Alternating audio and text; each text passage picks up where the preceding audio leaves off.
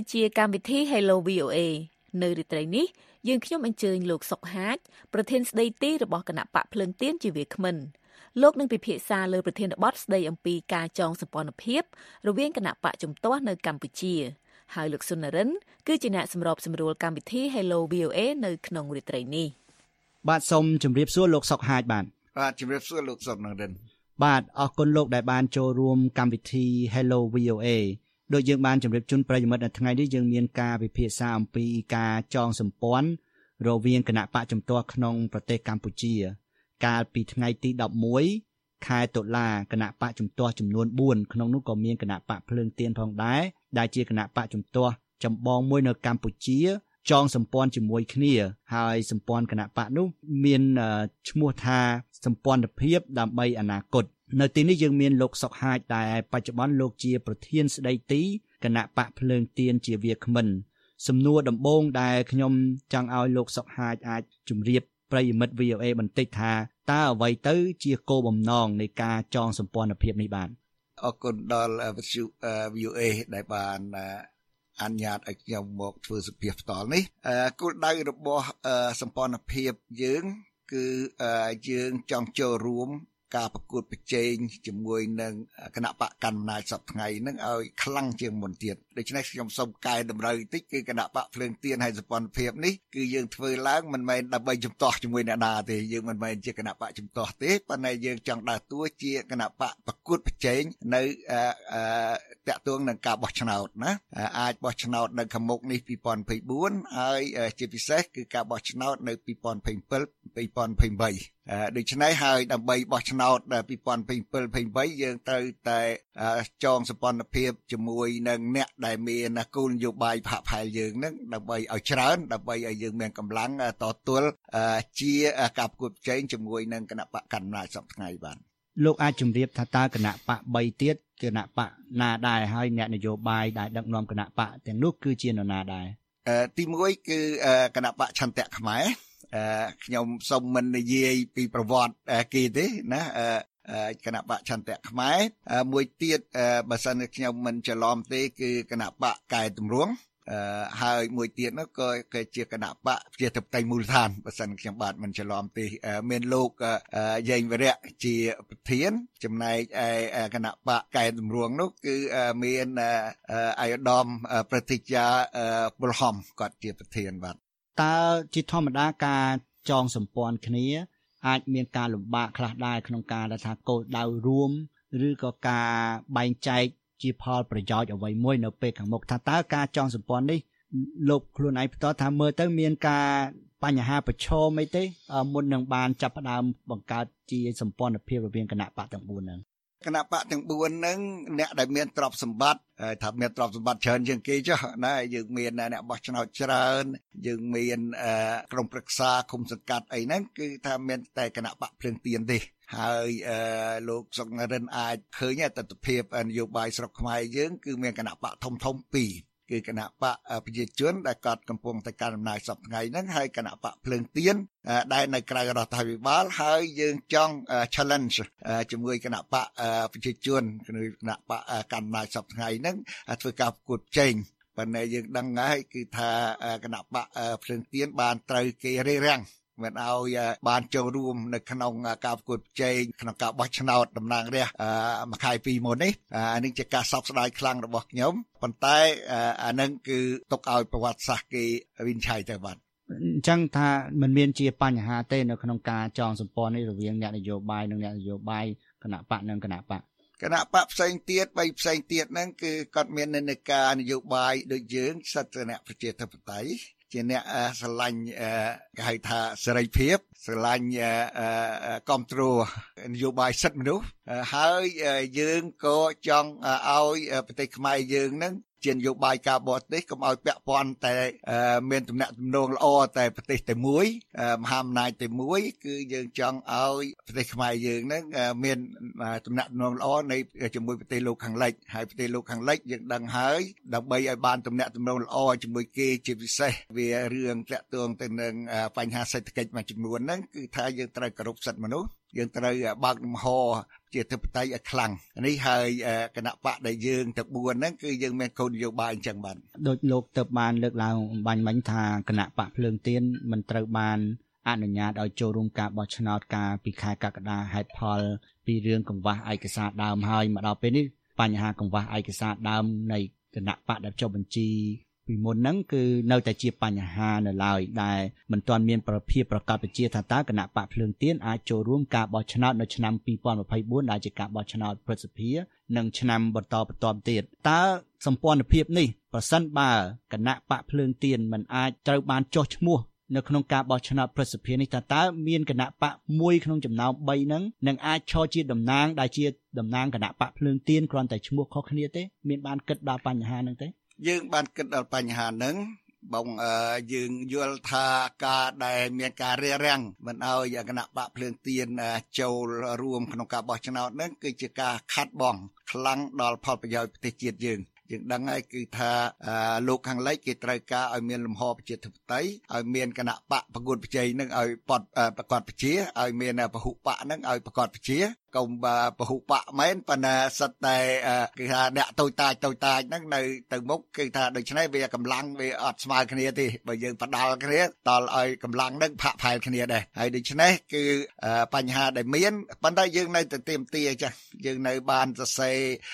លិខិតទៅសម្ដេចធិបតីហ៊ុនម៉ាណែតប្រហែលជា2អាទិត្យមុនណាដើម្បីឲ្យគាត់ជួយដោះស្រាយរឿងបញ្ហាកដាស់ស្នាមនេះពីព្រោះយើងជាគណៈបកស្របច្បាប់ហើយគណៈបកស្របច្បាប់គេធ្វើគណៈបកដើម្បីប្រកួតប្រជែងក្នុងការបោះឆ្នោតតែបើសិនជាយើងថាយើងអត់អាចបោះឆ្នោតបានយើងស្របច្បាប់អានឹងវាដូចជាមានទំនាស់តែយ៉ាបាទក្នុងការដែលថាវិបាលសពថ្ងៃហ្នឹងមិនជួយសម្រួលខ្ញុំខ្ញុំសុំឧទាហរណ៍មួយម៉ាត់ចុះណាឧបមាថាយើងមានមនុស្សម្នាក់គាត់ជិះម៉ូតូទៅដួលណានៅតាមផ្លូវ រួចទៅអ្នកដែលទទួលខុសត្រូវតាមផ្លូវហ្នឹងគាត់ថាហេអានេះឈួតទេអាមិនប្រយ័ត្នមិនប្រយែងអីហើយទុកឲ្យស្លាប់នៅផ្លូវឬក៏យ៉ាងម៉េចពីព្រោះគណៈបកភ្លើងទៀនជាគណៈបកស្របច្បាប់យើងអត់មានធ្វើអីខុសច្បាប់ទេហើយអង្គបោះឆ្នោតដែលយើងមានយើងធ្លាប់បោះឆ្នោតដែរយើងមិនមែនទៅទៅថ្មីចេះណា ណាហើយបើសិនជាយើងធ្លាប់បោះឆ្នោតហើយគឺអ្នកដែលគ្រប់គ្រងគណៈបកនយោបាយសប្តាហ៍ថ្ងៃហ្នឹងខាងផ្នែករដ្ឋាភិបាលក៏ត្រូវសម្រួលកដាស់ស្នាមឲ្យយើង យើងមិនអាចគាត់មិនអាចថាអ្នកឯងនឹងធ្វើអីផ្ដេសផ្ដាស់ហើយអត់រវីរវល់ដូច្នេះនឹងវាតកតួងទៅបញ្ហាកហៅសិលធននយោបាយខ្ញុំថាបើពាក្យឲ្យចំក្រុមសិលធននយោបាយហ្នឹងសំខាន់ណាស់ហើយខ្ញុំជឿថារដ្ឋាភិបាលថ្មីនេះនឹងសម្របសម្រួលធ្វើឲ្យគណៈបកភ្លឹងទៀនយើងខ្ញុំហ្នឹងមានសិទ្ធិឈ្មោះឈ្មោះបោះឆ្នោតដូចគេនេះឯងអញ្ចឹងបាទបាទអញ្ចឹងអាចមកជំបញ្ជាក់ម្ដងទៀតអញ្ចឹងគណៈបកមួយក្នុងចំណោម3 ដែលចូលជាមួយគណៈបកភ្លឹងទៀនអាចជាឈ្មោះគណៈបកមួយប្រសិនបើក្នុងករណីបាទក្នុងករណីច្បាស់ហើយក្នុងករណីថាគណៈបកភ្លើងទៀនគេនៅតែរារាំងទៀតណាក្រមសិលធននយោបាយវាមិនតន់កើនដល់កម្រិតមួយពេលហ្នឹងយើងត្រូវតែរីទៅកន្លែងណាមួយទៀតហើយហើយគណៈបកទាំង3ដែលនៅជាមួយយើងហ្នឹងក្នុងសម្ព័ន្ធភាពហ្នឹងគឺគាត់មានកាយនីតិសម្បត្តិច្បាប់នឹងគ្រប់គ្រាន់សម្រាប់ឈុតឈ្មោះបោះឆ្នោតបាទ ពេលនេះលោកនាងកំពុងស្ដាប់កម្មវិធី Hello VOA ដែលមានលោកសុកហាជប្រធានស្ដីទីគណៈបកភ្លើងទៀនជាវាគ្មិនយើងកំពុងពិភាក្សាលើប្រធានបទការចងសម្ព័ន្ធភាពរវាងគណៈបកជំទាស់នៅប្រទេសកម្ពុជាពីរដ្ឋធានី Washington សំឡេងសហរដ្ឋអាមេរិក VOA ខ្ញុំសូមងាកមកស្ថានភាពនយោបាយក្នុងប្រទេសកម្ពុជាវិញបាទតើលោកមើលឃើញក្នុងការដឹកនាំរបស់នាយករដ្ឋមន្ត្រីថ្មីបានរយៈពេល7-2ខែនេះតើលោកមានឃើញការវិវត្តអីថ្មីទេហើយលោកចង់ឃើញបែបម៉េចទៀតចំពោះស្ថានភាពនយោបាយខ្ញុំឃើញថាដូចជាគ្មានការផ្លាស់ប្ដូរគួរឲ្យកត់សម្គាល់ទេ នយោបាយរបស់រដ្ឋាភិបាលសពថ្ងៃបងខ្ញុំមិនចង់ចូលរួមក្នុងការនិយាយស្ដីអីច្រើនទេប៉ុន្តែក៏នេះថាបើសិនជាលោកនរិនសួរខ្ញុំអញ្ចឹងគឺថាខ្ញុំឃើញថាគ្មានការផ្លាស់ប្ដូរទេដូចមិនតាន់ឃើញមានការផ្លាស់ប្ដូរណាអាចថ្ងៃក្រោយថ្ងៃក្រោយទៅវាមានការផ្លាស់ប្ដូរទៀតប៉ុន្តែខ្ញុំយកឧទាហរណ៍បញ្ហាសេដ្ឋកិច្ច ដែលខ្ញុំមានការចេះដឹងតែទួចនៅរឿងហ្នឹងឃើញតែសេដ្ឋកិច្ចយើងសប្តាហ៍នេះវាកំពុងតែធ្លាក់ខ្លាំង ហើយរដ្ឋាភិបាលក៏ហាក់ដូចជាមានអំនួតទៅលើបញ្ហាដែលមានសពថ្ងៃហ្នឹងណាម្នាក់ម្នាក់សួរទៅថាណែឯងធ្វើអីបានទេធ្វើចេះធ្វើចោលបានទេប៉ុន្តែបើសិនដឹងគឺគាត់នៅតែចក្ខុវិស័យចក្ខុវិស័យហ្នឹងណាមិនព្រមយកអាចក្ខុវិស័យដែលគាត់មានហើយចក្ខុវិស័យគាត់ល្អណាស់យើងមិនទីទានចក្ខុវិស័យហ្នឹងបានទេប៉ុន្តែការអនុវត្តនៃចក្ខុវិស័យវាដូចជានៅនៅនៅទៀប ណាមិនតាន់ដល់កម្រិតមួយដែលអាចជួយឲ្យប្រជាពលរដ្ឋយើង គឺថាមានជីវភាពគ្រប់គ្រាន់នេះខ្ញុំសូមបន្ថែមមួយរឿងបញ្ហាសេដ្ឋកិច្ចនេះគឺថាជាពិសេសបញ្ហាការងារធ្វើយើងដឹងទៅមួយឆ្នាំមួយឆ្នាំ អ្នកដែលយុវជន ដែលគាត់ចូលមានអាយុដើម្បីមានការងារធ្វើណាអាចត្រូវត្រូវការការងារធ្វើគឺ3សែននាក់ណា បើរយៈពេល5ឆ្នាំគឺមួយលានកន្លះតើរដ្ឋាភិបាលសពថ្ងៃគាត់មាននយោបាយអីច្បាស់លាស់ទេដើម្បីបង្កើតការងារមួយលានកន្លះណាសម្រាប់មួយអាណត្តិគាត់ខ្ញុំអត់តាន់ឃើញទេខ្ញុំអត់តាន់ឃើញណាអញ្ចឹងបានខ្ញុំថាអាការផ្លាស់ប្ដូរមានតិចណារឿងមួយទៀតជាឧទាហរណ៍យើងឃើញថ្មីថ្មីនេះមានការដំឡើងប្រាក់ខែ ដល់កម្មករគឺពី200ទៅ204ដុល្លារឃើញគាត់បាន2%ហើយបើតាមខ្ញុំធ្វើលេខទៅគឺថាវាទៀបជាងឆ្ងាយនៃអតិផរណាហើយបើសិនជារដ្ឋាភិបាលនឹងមានការខ្នះខ្នែងល្អគឺគាត់យ៉ាងហោចណាស់ក៏ឲ្យកំណើនប្រាក់ខែរបស់ប្រជាពលរដ្ឋយើងនឹងកម្មករយើងនឹងគឺស្មើនឹងអតិផរណាដែរហើយកុំយកថាករណីពិសេសថាមកពីអត់មានគេបជាទិញស្អីគេបជាទិញមានទេតើប៉ុន្តែកែយើងមិនសូវចង់បានពីព្រោះយើងមិនលវីលវល់រឿង ABA យើងមិនលវីលវល់រឿង GSP ដូច្នេះអាទីផ្សារសម្រាប់ ABA សម្រាប់ GSP ហ្នឹងវាអត់មានថែមហើយមកលៀនកន្លះច្រើនដែរណាក្នុងរយៈពេល5ឆ្នាំមកអាណត្តិទៅមកអាណត្តិបាទ បាទដោយសារក្នុងកិច្ចពិភាក្សានេះលោកបានលើកឡើងអំពីបញ្ហាការងារធ្វើនេះកាលពីកន្លងទៅខាងក្រសួងការងារក៏បានបញ្ជាក់ថាអត្រាការងារមានការងារធ្វើមានច្រើនណាស់គឺ99វាប្រមាណភាគរយហើយដោយថាការបញ្ជាក់នេះមិនមែនតែឆ្នាំនេះទេគឺសឹងតែរាល់ឆ្នាំមានភាពខុសគ្នាបែបម៉េចដែរជាមួយអ្វីដែលលោកទៅបានលើកឡើងថាក្នុងរយៈពេលមួយឆ្នាំមានអត្រាការងារមិនមាន ការក៏ត្រូវបង្កើតការងារឲ្យបានដូចជាអំបញ្ញមិញលោក3សែន3សែនបាទខុសគ្នាបែបម៉េចដែរចេះអឺខ្ញុំថាហ្នឹងជាអត្ថន័យពាក្យបច្ចេកទេសណាណាស្អីទៅអ្នកអត់មានការងារធ្វើតើយើងចាត់ទុកអ្នកសំទៀនគេអ្នកទៅដើររើសសម្រាមដើម្បីរស់អ្វីអ្វីផ្សេងផ្សេងហ្នឹងចាត់ទុកជាការងារទេ ណាធម្មតាណាអត្តន័យជាក់ស្ដែងរបស់ការងារគឺជាការងារសមរម្យដែលមានប្រាក់ចំណូលសមរម្យ គេគេប្រើពាក្យទូទៅទូទៅអញ្ចឹងហើយចំពោះយើង គឺអ្វីដែលសមរម្យគឺយើងយកជាគោលគឺប្រាក់ខែកម្មករនៅផ្នែកវិញ្ញាណភ័ណ្ឌទៅចុះព្រោះយើងពិបាកពីព្រោះកន្លែងខ្លះដោយសំណងអីគាត់ខ្ពស់ជាងនឹងកន្លែងខ្លះគ្នានៅក្នុងវិស័យសេដ្ឋកិច្ចក្រៅប្រព័ន្ធគាត់អាចទៀបជាងនឹងប៉ុន្តែយើងយកអានឹងជាគោលទៅ ហើយតែអ្នកអាចធៀបអ្នកសំទានជាការងារទេ បើសិនជាយកអ្នកសុំទានជាការងារយកអ្នករើសសម្រាមជាការងារអានឹងអត់អីទេវាសឹងតែ100%មែនណាបើបើសិនជាយើងដកអ្នកដងឯងឬមួយក៏អ្នកដែលធ្វើការនៅក្រៅប្រព័ន្ធសេដ្ឋកិច្ចសេដ្ឋកិច្ចក្រៅប្រព័ន្ធយកមកមើលអត់ទេណាយើងមានតិចយើងមានប្រហែល30 40%អស់ការងារដែលនៅក្នុងប្រព័ន្ធដែលសំរុំណាធ្វើការនៅក្នុងធនាគារធ្វើការនៅក្នុងរោងចក្រដែលមានភាពសំរុំគឺ យើងតិចជាង50%តែអានេះតាមការកណនារបស់ខ្ញុំបាទបាទលោកសុកហាជដោយសារកន្លងទៅខ្ញុំដឹងថាលោកជាអ្នកសេដ្ឋកិច្ចមួយរូបដែលមានប្រជាពលរដ្ឋស្គាល់ក្នុងកម្រិតមួយចំនួនដែរក្នុងនយោបាយมันมันមានលេចមុខឬក៏ឈ្មោះរបស់លោកច្រើនទេទៅតែក្នុងរយៈពេលចុងក្រោយនេះទេហើយលោកកម្រនឹងផ្ដល់បទសម្ភាសដល់អ្នកសារព័ត៌មានផងដែរអញ្ចឹង ខ្ញុំចង់ឲ្យលោកប្រាប់ពីចំណាប់អារម្មណ៍បន្តិចថាហេតុអ្វីបានជាលោកចាប់អារម្មណ៍ចូលរួមផ្នែកនយោបាយហើយចូលរួមនយោបាយនេះជាមួយគណៈបកជំទាស់ទៀតផងបាទខ្ញុំជ្រើសរើសផ្លូវមួយដែលខ្ញុំជឿថាជាផ្លូវដើម្បីជំរុញឲ្យវឌ្ឍនភាពប្រទេសកម្ពុជាយើងទៅលឿន ពីព្រោះនៅក្នុងគណៈបកកណ្ដាលសពថ្ងៃមានគ្នាច្រើនណាស់ប្រពពពូនយើងឃើញគឺនៅក្នុងក្រសួងមួយមួយហ្នឹងអ្នកមានរដ្ឋមន្ត្រីមួយទៅណារដ្ឋលេខាធិការហ្នឹងរាប់សិបនាក់ទៅខ្ញុំមិនហ៊ាននិយាយថាប្រមាណទេអនុរដ្ឋលេខាធិការសិបនាក់ប៉ុន្តែធ្វើលេខបូកទៅជាមធ្យមគឺ100នាក់ដូច្នេះវាអ្នកដែល ដូចខ្ញុំអីមិនបាច់ទៅទេហើយគោលដៅរបស់ខ្ញុំមិនមែនទៅបានយកបន្សាក់អីទេគឺយើងធ្វើយ៉ាងណាជំរុញឲ្យអ្នកដែលតួអង្គទាំងអស់នៅក្នុងឆាកនយោបាយយើងនេះប្រឹងប្រែងជាងមុនអញ្ចឹងបានខ្ញុំលោកមានប្រសាសន៍ថាគណៈបកជំទាស់ហ្នឹងខ្ញុំថាខ្ញុំរៀងជំទាស់បន្តិចគឺថាយើងជាអ្នកគណៈមិនមែនគណៈបក ប្រឆាំងទេគឺគណៈបកប្រណាំងណាដកអាឆចេញដាក់អាណមួយ ហើយខ្ញុំសង្ឃឹមថាខាងរដ្ឋាភិបាលហើយជាពិសេសអ្នកកាន់អំណាចសពថ្ងៃហ្នឹងកុំយកយើងជាអ្នកប្រឆាំងហើយជាពិសេសកុំយកខ្លួនគាត់មកប្រឆាំងនឹងយើងណាអឺពីព្រោះយើងមិនមែនជាប្រឆាំងទេ យើងចង់ប្រណាំងហើយនៅពេលដែលយើងចង់ប្រណាំងនឹងឲ្យយើងមានលទ្ធភាពទៅប្រណាំងផង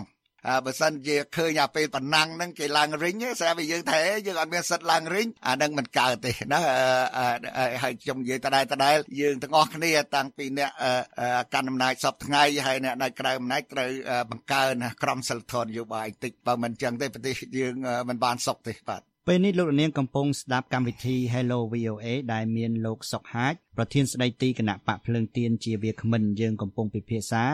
លើប្រធានបទការចងសម្ព័ន្ធ រវាងគណៈបកជំទាស់នៅកម្ពុជា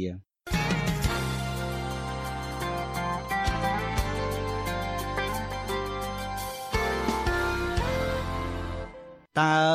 មកដល់ពេលនេះគណៈបកភ្លើងទៀនមានកម្រងធ្វើអ្វីទៀតដើម្បីធានាថាខ្លួននឹងបានចូលរួមការបោះឆ្នោតនាពេលខាងមុខបន្ទាប់ពីការចងសម្ព័ន្ធនេះ ទី1គណៈបកភ្លើងទៀនយើងនិយាយហើយគឺនិយាយត្រែតដែលគឺជាគណៈបកនយោបាយគណៈបកនយោបាយដោយគណៈបកនយោបាយណាទេយើងត្រូវត្រូវធ្វើការងារដើម្បីទៅកាន់អំណាចណាហើយយើងមិនមែនជាសង្គមស៊ីវិល ធ្វើបាតកម្មតាមផ្លូវណាខ្ញុំមិនហាមឃាត់អ្នកនយោបាយទៅធ្វើបាតកម្មតាមផ្លូវទេតែមិនមែនជាគោលដៅរបស់ប្រណបកភ្លើងទៀនទេដែលទៅធ្វើបាតកម្មស្អីៗឬក៏ធ្វើស្អីស្អីផ្សេងផ្សេងនោះគឺយើងចង់ធ្វើយ៉ាងណាឲ្យមានការចូលរួមរបស់យើងនឹងនៅក្នុងការបោះឆ្នោតអញ្ចឹងបានយើងសង្ឃឹមដដែលដដែលប៉ុន្តែ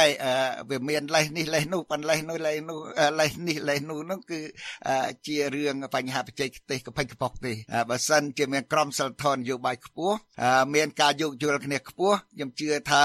យើងធ្វើបានទេគណៈបកភ្លឹងទៀនអាចចូលទៅរួមឥឡូវថាគណៈបកភ្លឹងទៀនគេនៅតែមិនឲ្យអញ្ចឹងហើយអានេះគឺត្រូវយើងយកសម្ព័ន្ធភាពដែលនៅជាមួយយើងហ្នឹងគឺយើងយកផ្នែកអ្នកណាមួយនៅក្នុងសម្ព័ន្ធភាពហ្នឹងទៅយើងយកទៅចូលឈ្មោះបោះឆ្នោតទៅហើយសម្ព័ន្ធភាពហ្នឹងគឺថាសមាជិកទាំងអស់ដូចយើងបងប្អូនបកកើតអញ្ចឹងណាវាអត់មានអីទេយើងទៅ គេហើយយើងយើងក្បាលម៉ាស៊ីនយើងនៅមានតដែលកម្លាំងយើងនៅមានតដែលសកម្មជនយើងគឺសកម្មណាស់អត់មានបញ្ហាអីទេនៅពេលដែលយើងថាណាឥឡូវយើងមានសិទ្ធិបោះឆ្នោតហើយយើងទៅហើយដូចយើងនៅខែប្រហែលពី3ខែមុននេះមុនការបោះឆ្នោតតំណាងរាស្ត្រគឺយើងសកម្មណាប្រជុំម្ដងម្ដងរាប់រយរាប់ពាន់នាក់ណានៅតាមស្រុកដាច់ស្រយាលណាហើយដូច្នេះគឺថាយើងនៅមានប្រជាប្រិយភាពខ្លាំងណាស់ យើងខ្ញុំនៅមានប្រតិភិបប្រជាប្រិយភាពខ្លាំងដូច្នេះយើងអត់ខ្លាចទៅបណ្ដាំងប្រជែងជាមួយរដ្ឋាភិបាលអ្នកកាន់អំណាចសពថ្ងៃទេហើយយើងធ្វើនេះគឺថាធ្វើដើម្បីប្រទេសជាតិយើងយើងអត់ទៅហ្នឹងគឺដើម្បីទម្លាក់ដើម្បីទៅរករឿងអ្នកនេះអ្នកនោះទេយើងទៅបណ្ណាំងដើម្បីទៅកាន់អំណាចហើយនៅពេលដែលយើងកាន់អំណាច អ្នកបុគ្គលមួយចំនួនដែលនៅក្នុងជួរអ្នកកាន់អំណាចសពថ្ងៃគឺយើងយកអាចមកយកមកធ្វើការជាមួយគ្នាបានពីព្រោះគេមានសមត្ថភាពណាខ្ញុំអត់ដែលចោទថាអ្នកដែលនៅគណៈបកកាន់អំណាចសពថ្ងៃជាមនុស្សអាក្រក់ទេគេជាមនុស្សល្អបើណាគាត់រស់នៅនៅក្នុងប្រព័ន្ធមួយដែលមិនសូវល្អបាទអញ្ចឹងមានន័យថាការបោះឆ្នោតប្រសិទ្ធភាពនៅខែកុម្ភៈឆ្នាំក្រោយនេះ គឺនឹងមានតំណាងរបស់ ខាងគណៈបកជំទាស់មួយនៅក្នុងប្រសិទ្ធភាពមានន័យថាការបោះឆ្នោតហ្នឹងដោយសារថានឹងមានគណៈបកមួយដែលជាគណៈបកសម្ព័ន្ធមួយរបស់គណៈបកភ្លើងទៀនបើទោះបីគណៈបកភ្លើងទៀនបានចូលរួមមែនទេលោកមែនណាដោយសារគណៈបកភ្លើងទៀនមានអង្គមានគេហៅថាក្រុមប្រឹក្សាជាប់ឆ្នោតគុំសង្កាត់ជាប់ឆ្នោតដែរជាអ្នកនឹងទៅបោះឆ្នោតប្រសិទ្ធភាពនៅឆ្នាំក្រោយបាទជាធម្មតា ថ្នាក់ដឹកនាំគណៈបកជំទាស់ដូចជាមានបទពិសោធន៍ហើយគណៈមេដឹកនាំគណៈបកជំទាស់កំពុងជាប់ពន្ធនាគារកំពុងជាប់ឃុំខ្លួនក្នុងផ្ទះមេដឹកនាំខ្លះបាននិរទេសខ្លួនទៅក្រៅប្រទេសមិនអាចចូលក្នុងប្រទេសវិញជាប់រឿងក្តីក្តាំនៅតុលាការត្រូវបានកាត់ទោសរាប់សិបឆ្នាំផងដែរតើចំពោះលោកផ្ទាល់លោកក៏ជាថ្នាក់ដឹកនាំមួយរូបលោកមានក្តីបារម្ភបែបម៉េចដែរចំពោះ អ្វីដែលនឹងអាចកើតឡើងចំពោះរូបលោកនៅពេលខាងមុខបើសិនបើគណៈបកជំទាស់មួយកាន់តែខ្លាំងនេះជាហានិភ័យបញ្ហាប្រឈមប៉ុន្តែយើងឡើងរេញហើយយើងទៅខ្លាចអីណាហើយដូចខ្ញុំនិយាយតដែរតដែរយើងធ្វើក្នុងលក្ខណៈច្បាប់ទាំងអស់ ខ្ញុំតាំងពីខ្ញុំមកចូលរួមក្នុងគណៈបកភ្លើងទៀននិយាយត្រង់ដែរក៏ខ្ញុំធ្វើការកែតម្រង់មួយចំនួនដែរកែតម្រង់ពីគណៈបកប្រឆាំងមកគណៈបកប្រណាំងហើយខ្ញុំថាចលនានេះវានឹងទៅអញ្ចឹងហើយហើយក្នុងសម្ព័ន្ធភាពនេះក៏យើងអត់ឲ្យទៅប្រឆាំងជាមួយអ្នកណាដែរណាយើងធ្វើអ្វីមួយឲ្យទៅជាគណៈបកប្រណាំងប្រកួតប្រជែងជាមួយអ្វីដែលមានសពថ្ងៃហើយប្រកួតប្រជែងលើអី គឺប្រកួតប្រជែងលើគោលនយោបាយលើគំនិតហើយរួចហើយគឺយើងសុំសិទ្ធចូលឈ្មោះបោះឆ្នោតខ្ញុំសង្ឃឹមថានៅការបោះឆ្នោតប្រសិទ្ធភាពនេះគេមិនធ្វើទុកបុកម្នេញសម្ព័ន្ធភាព ទេណាខ្ញុំហើយអានឹងនិយាយតដែរតដែរទៅខ្ញុំប្រើពាក្យគឺថាក្រមសិលធម៌នយោបាយគឺត្រូវតែអ្នកដែលកាន់អំណាចសពថ្ងៃនឹងហើយក៏ដូចតែអ្នកដែលមិនតន់ចូលធ្វើការយើងទាំងអស់គ្នាត្រូវបង្កើនក្រមសិលធម៌នយោបាយនៃគណៈបកផ្សេងផ្សេងក្នុងប្រទេសជាតិយើងខ្ញុំថាអានេះជាករណីសំខាន់មែនទែនហ្មងបើមិនចឹងទេយើងខាតទាំងអស់គ្នាហេតុអីបានខាតពីព្រោះខ្ញុំជឿថាបើសិនជាគណៈបក ក្រៅរដ្ឋាភិបាលដោយពួកយើងខ្ញុំហើយនឹងគណៈបកដែលគាត់នៅក្នុងរដ្ឋាភិបាលគាត់មានអំណាចសពថ្ងៃយើងដើរទៅទឹមគ្នាទៅណាយើងទៅនិយាយជាមួយពួកលោកខាងលិចឲ្យគេបកគល ABA ឲ្យគេបកគល GSP យើងឡើងវិញហើយខ្ញុំជឿថាគេឲ្យហើយប៉ុន្តែដរាបណាគេមានភាពខ្ទាស់ចុះខ្ទាស់ឡើងភាពគេហៅថាប្រកួតប្រជែងដែលគ្មានភាពសមធម៌ណាអានឹងយើងមានបញ្ហាបាទ រូបលោកផ្ទាល់ជាអ្នកនយោបាយមួយរូបដោយថាតាំងពីលោកចូលជាមួយគណៈបកភ្លើងទៀនមក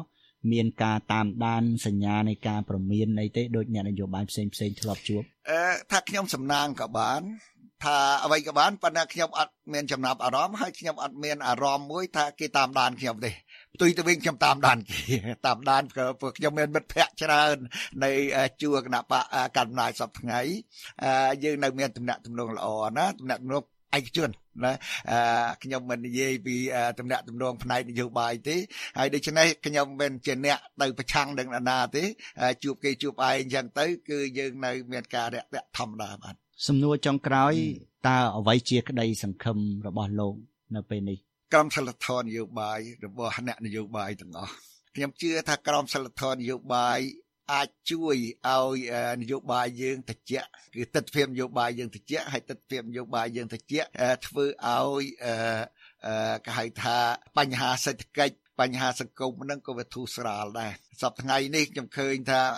យើងច្រើនតែតឹងសរសៃកដាក់គ្នាដូច្នេះគឺយើងមានបញ្ហាដូច្នេះសេចក្តីសង្ឃឹមរបស់ខ្ញុំគឺធ្វើម៉េចឲ្យខ្មែរស្រស់ស្រួលគ្នានិយាយនេះខ្ញុំមិនមែនថាទៅវល់គេដើម្បីទៅអីណាសុំលៀបការៈទេ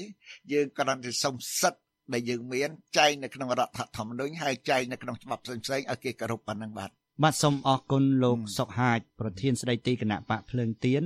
ដែលបានចូលរួមជាវាគ្មិនដោយសារពេលវេលាយើងអស់ទៅហើយខ្ញុំបាទសូមបិទបញ្ចប់កម្មវិធី Hello VOA នៅពេលនេះប្រសិនបើលោកអ្នកនាងខកខានមិនបានស្ដាប់ឬចង់ស្ដាប់ឡើងវិញលោកអ្នកនាងអាចចូលទៅកាន់គេហទំព័រ khmer.voanews.com ពេលនេះខ្ញុំបាទសូមអរគុណនិងសូមជម្រាបលាសូមអរគុណហើយសូមជម្រាបលាបាទ